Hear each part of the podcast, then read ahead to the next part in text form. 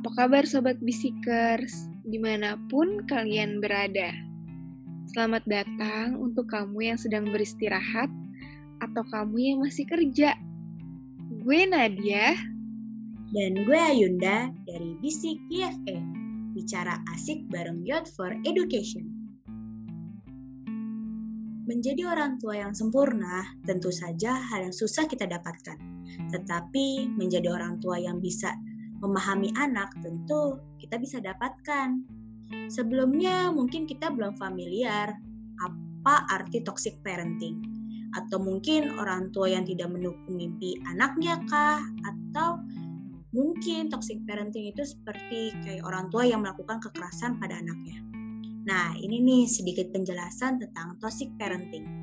Menurut School of Parenting.id, Toxic parenting itu perilaku orang tua kepada anak dengan melakukan kekerasan verbal maupun fisik dan juga melakukan tindakan yang dapat meracuni uh, psikologis anak. Hmm, bicara soal toxic parenting ya kak, ini kan berarti bicara soal pola as pola asuh anak, eh pola asuh orang tua kepada anak kan.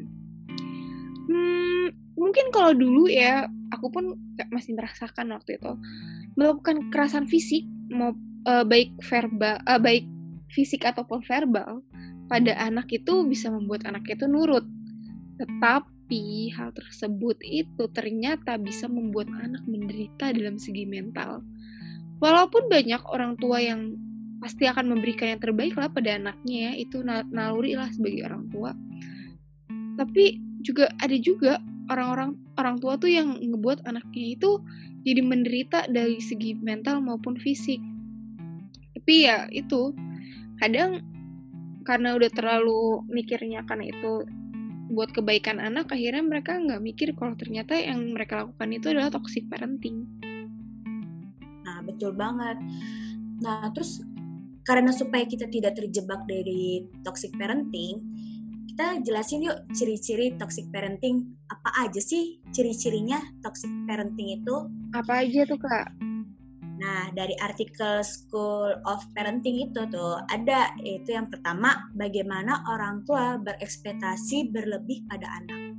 Jadi orang tua tuh kadang mengharapkan banyak dari anak dan juga orang tua tuh berharap anaknya itu menjadi apa yang mereka inginkan tanpa mau tahu anak itu mau uh,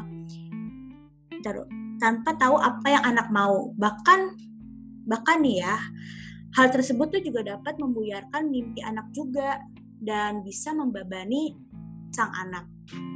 Padahal biarin aja anak memilih jalan dan mimpinya.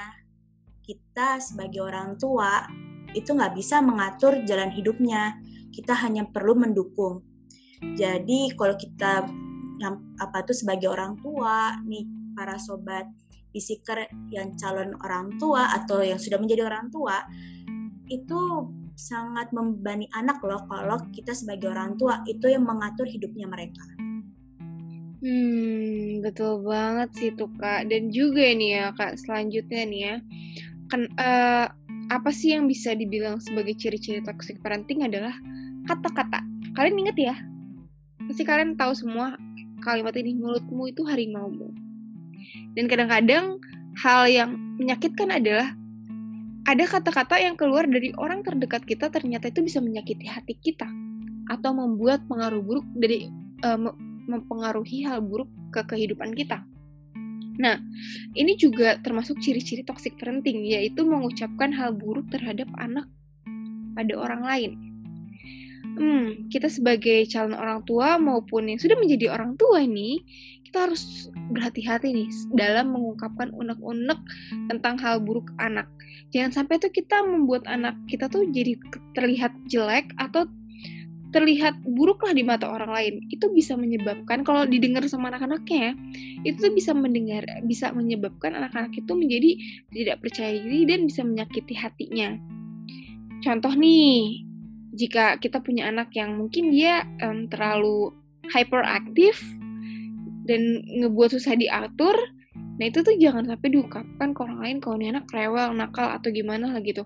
Kata-kata yang tersebut tuh kadang-kadang tuh bisa menyakiti hati mereka dan akhirnya ya anak itu menjadi insecure dan kalau bisa biasakan dari sekarang sih mulai dari sekarang dari mulai sekarang ya mungkin buat kita juga buat pengingat juga kita sama-sama untuk mengganti kata-kata yang emang itu terlihatnya negatif menjadi kata-kata yang positif.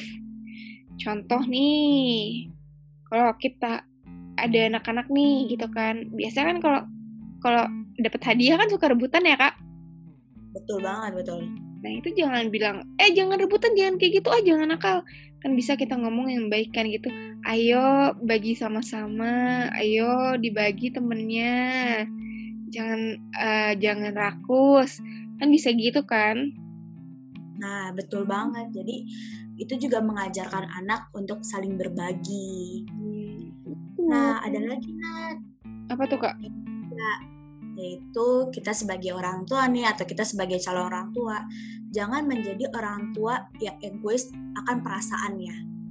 Kan nih buat para calon orang tua ya, mungkin buat kita juga nih Nat kita tuh harus berhati-hati dalam menyampaikan perasaan kita nih. Mungkin nggak masalah kita menyampaikan perasaan kita, keluh kesah kita, tapi kita tidak boleh sampai membebani seorang anak. Kayak contohnya, ketika kita kesal sama anak, terus kita bilang, kamu nggak ngerti ya perasaan ibu nih, udah capek ngurusin kamu.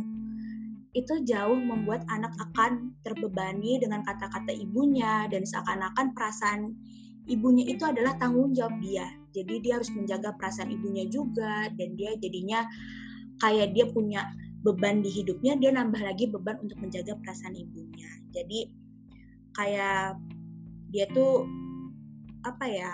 Um, kan kasihan anaknya kalau dia harus terbebani dengan orang tuanya lagi gitu.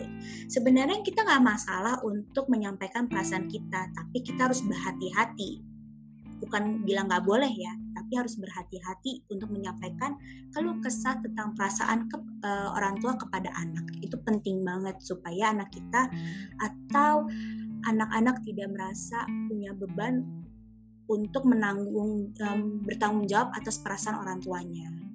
Betul. Dan yang keempat, yaitu ciri-ciri toxic parenting itu yang melakukan kekerasan pada anak. Nah, sobat bisikers, jangan sampai ya kalian tuh pernah melakukan kekerasan pada anak. Kekerasannya itu bisa ke anaknya atau kamu melakukan kekerasan ke orang lain tapi dilihat anaknya. Karena hal tersebut bisa membuat anak berpikir tuh hal yang normal dan membuat mereka menjadi agresif. Jika berniat untuk mengingatkan agar tidak manja, tidak manja, dan mau ngebuat anak itu disiplin, kita tuh sebenarnya nggak harus melakukan kekerasan loh. Karena hal tersebut tuh bisa membuat tadi anak jadi agresif dan memikirkan bahwa orang tuanya tuh bukanlah orang yang aman untuk dirinya. Seperti itu. Jadi kayak muncul-munculnya orang-orang yang apa ya suka kekerasan itu kan karena munculnya juga dari orang tuanya yang mengajarkan dia untuk melakukan kekerasan juga kan seakan-akan kekerasan adalah hal yang benar untuk dilakukan untuk mengingatkan atau memberitahu seseorang. Seperti itu. Jadi ini benar-benar kalau bisa bukan kalau bisa harus wajib. Jangan pernah melakukan kekerasan dari verbal maupun fisik. Itu benar-benar hmm. akan mengganggu mental anak. Nah yang kelima nih. Menjadi orang tua yang menganggap anaknya adalah investasi orang tua ya kan? Pasti kalian sering dengar dong ada kata anak adalah investasi orang tua. Nah, perlu diingat ya teman-teman, anak itu bukanlah barang atau saham yang di mana kalian tanam dan kalian akan menghasilkan keuntungannya.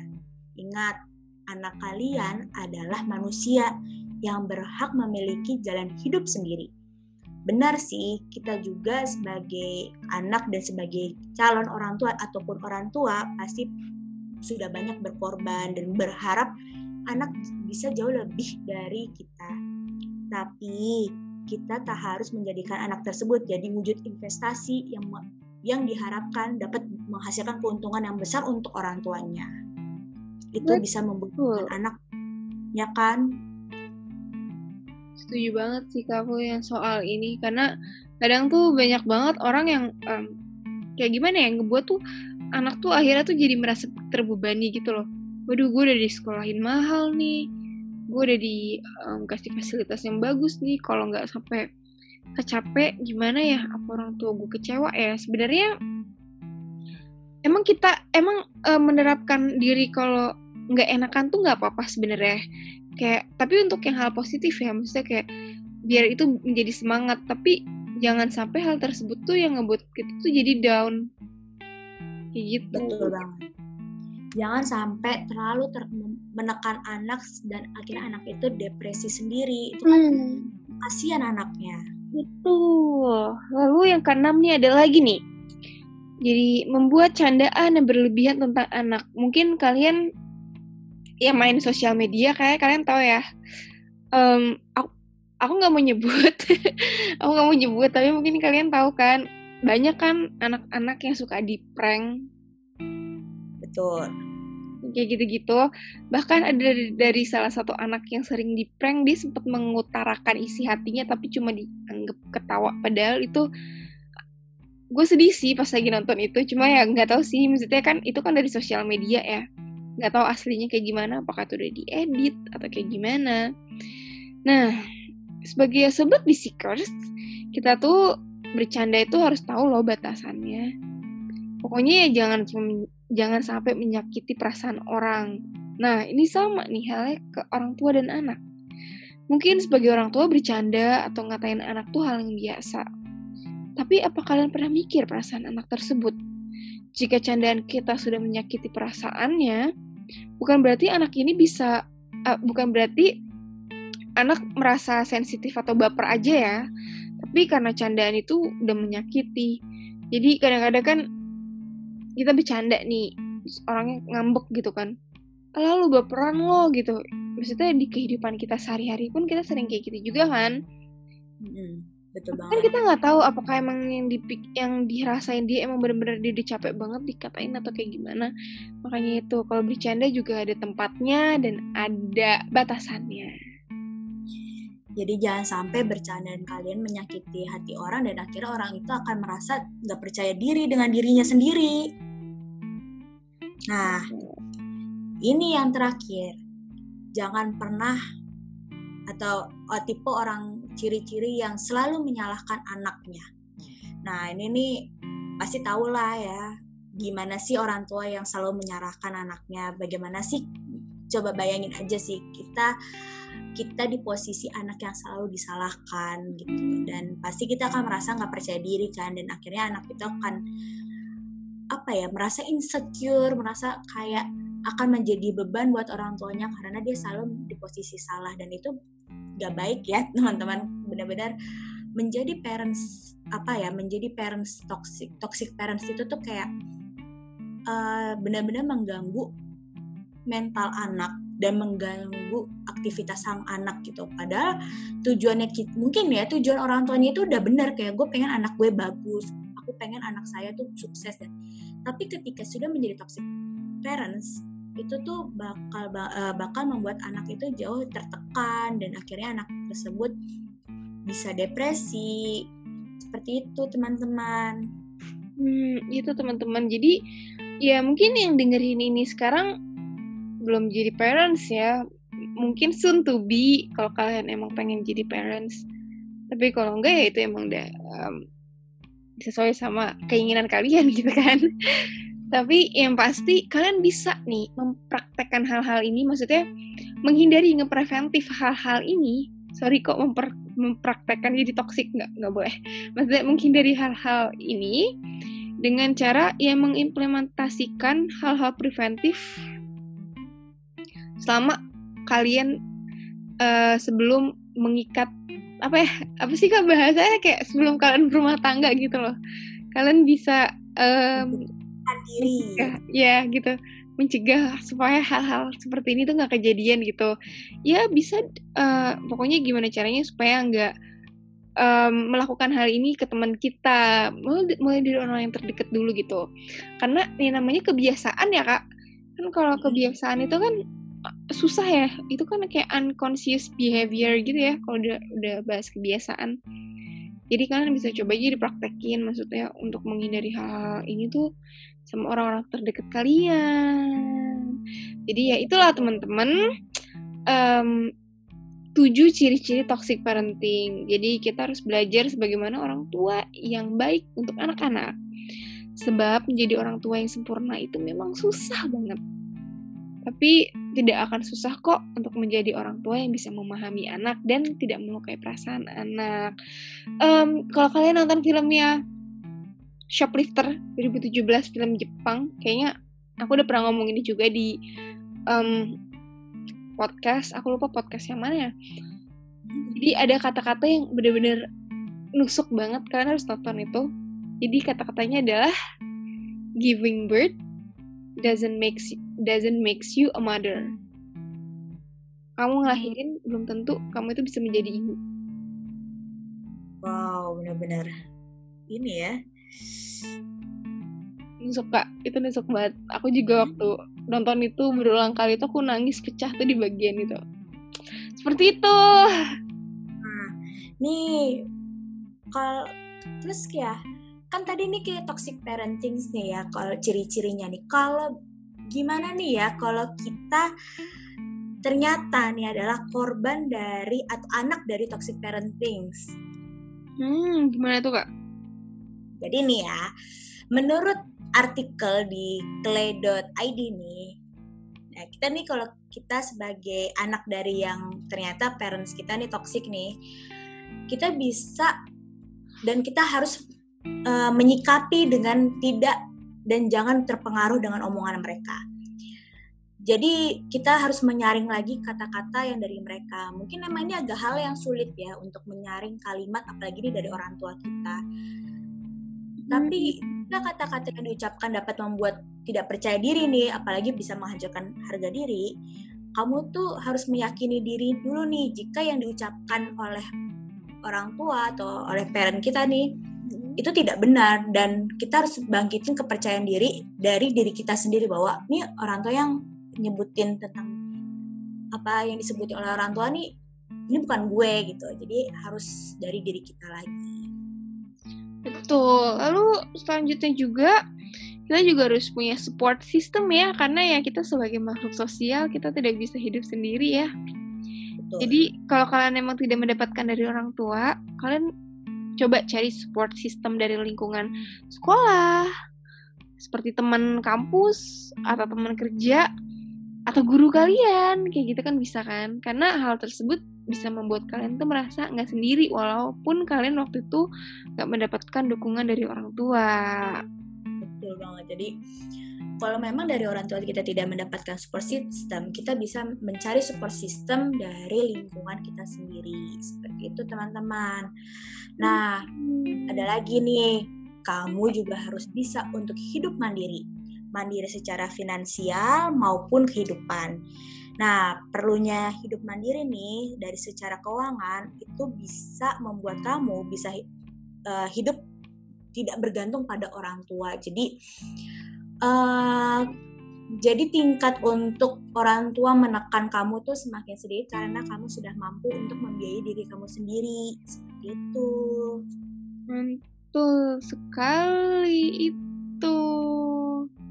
Nah selanjutnya juga perlu nih karena kita kan namanya hidupnya capek ya. Hidup ini life is tough ya. Jadi um, perlulah ada pelepasan emosi Contohnya, melakukan kegiatan yang kamu sukai dan melakukan hobi yang kamu senangi. Hal tersebut sangat membantu kalian loh untuk melepasi beban emosi. Hmm, betul banget. Apalagi kalau kalian nih kan suka denger ya, orang aku pengen teriak gitu. Kalian bisa pergi ke Dufan naik histeria atau nggak kora-kora itu benar-benar melepaskan emosi kalian untuk benar-benar mengeluarkan unek-unek tapi tanpa harus menyakiti perasaan orang. Nah, yang terakhir, ini jangan sampai kalian sampai tahap terakhir ya. Tapi jika kalian sudah tidak sanggup menghadapi emosi dan keadaan kalian nih, kalian bisa minta bantuan tenaga ahli sebab masalah yang dialami dapat membantumu dalam mencari solusi dan mendapat sudut pandang lain mengenali mengenai masalah yang sedang dialami. Contohnya kalian bisa datang ke konsel uh, konselor atau ah uh, sorry konseling psikolog atau psikiater seperti itu teman-teman. Hmm, seperti itu. Diingat ya teman-teman. Jadi kalau ingatlah gitu, um, setiap masalah itu ada solusinya ya. Walaupun kalau kata papahku, kalau kamu buntu, ya kamu muter balik aja. kalau kamu pikiran kamu lagi buntu ya kamu muter balik lah. Karena satu-satunya jalan kalau buntu ya muter balik. Pasti ada jalan lain saat kamu lagi muter balik kan. Kamu nggak tahu aja itu.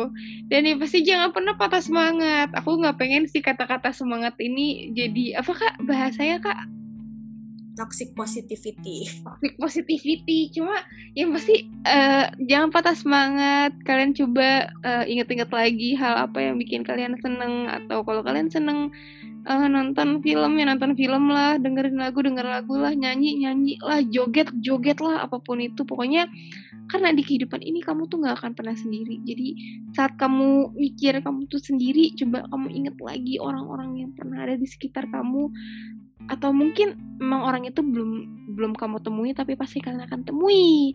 Seperti itu. Nah jadi ya seperti inilah bincang-bincang kita hari ini nih. Kayak panjang ya kak?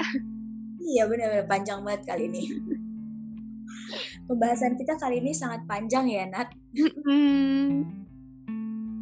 jadi semoga para sobat bisikers nih calon orang tua ataupun yang sudah menjadi orang tua jangan sampai kalian adalah toxic parents. Karena mungkin ya kalau kita mau toxic positivity nih kalau kita mau berpikiran positif tapi sebenarnya tidak positif memang benar mendidik anak tuh dengan cara keras. Kayak pasti kayak zaman orang tua aku selalu bilang dulu zaman mama tuh dipukul anak-anak pada disiplin. Sekarang beda zaman ya teman-teman. Zaman yeah. dulu dengan zaman sekarang. Jadi Betul. jangan memperlakukan anak dengan kekerasan. Karena tidak semua anak itu bisa menerima kekerasan dan hal tersebut jauh membuat sang anak nanti depresi malah kasihan kan anak kecil atau anak-anak tuh merasa tertekan sama orang tuanya. Pada orang tua adalah keluarga terdekat dia. Hmm, betul banget. Nah, itu dia teman-teman. Jadi jangan lupa ya untuk cek terus informasi mengenai Youth for Education di IG at your for eh at Youth for Education. For-nya pakai angka 4 ya. Terus cek juga Twitter kita di Youth for Educate 2. Tujuhnya pakai angka 2. Dan jangan lupa cek juga Facebook kita di Youth for Education. Jika Nah, jika kalian ingin tahu nih kegiatan YFE apa aja, bisa kunjungi ke website YFE di youthforeducation.org. Betul banget. Dan kalau kalian nih pengen ngasih kritik, saran, atau kan mau kolaborasi bareng nih sama YFE, eh sama Bisik YFE maksudnya, bisa banget kalian langsung aja kunjungin ke email kita yaitu bisikpodcast at youthforeducation.org dengan subjek bisik underscore judul yang ingin kamu sampaikan. Seperti itu teman-teman, pokoknya tetap jaga semangat, jaga kesehatan, dan gue Nadia. Dan gue Yunda. Kita, kita pamit undur dulu. Oke, okay, bye-bye. See you on the next episode.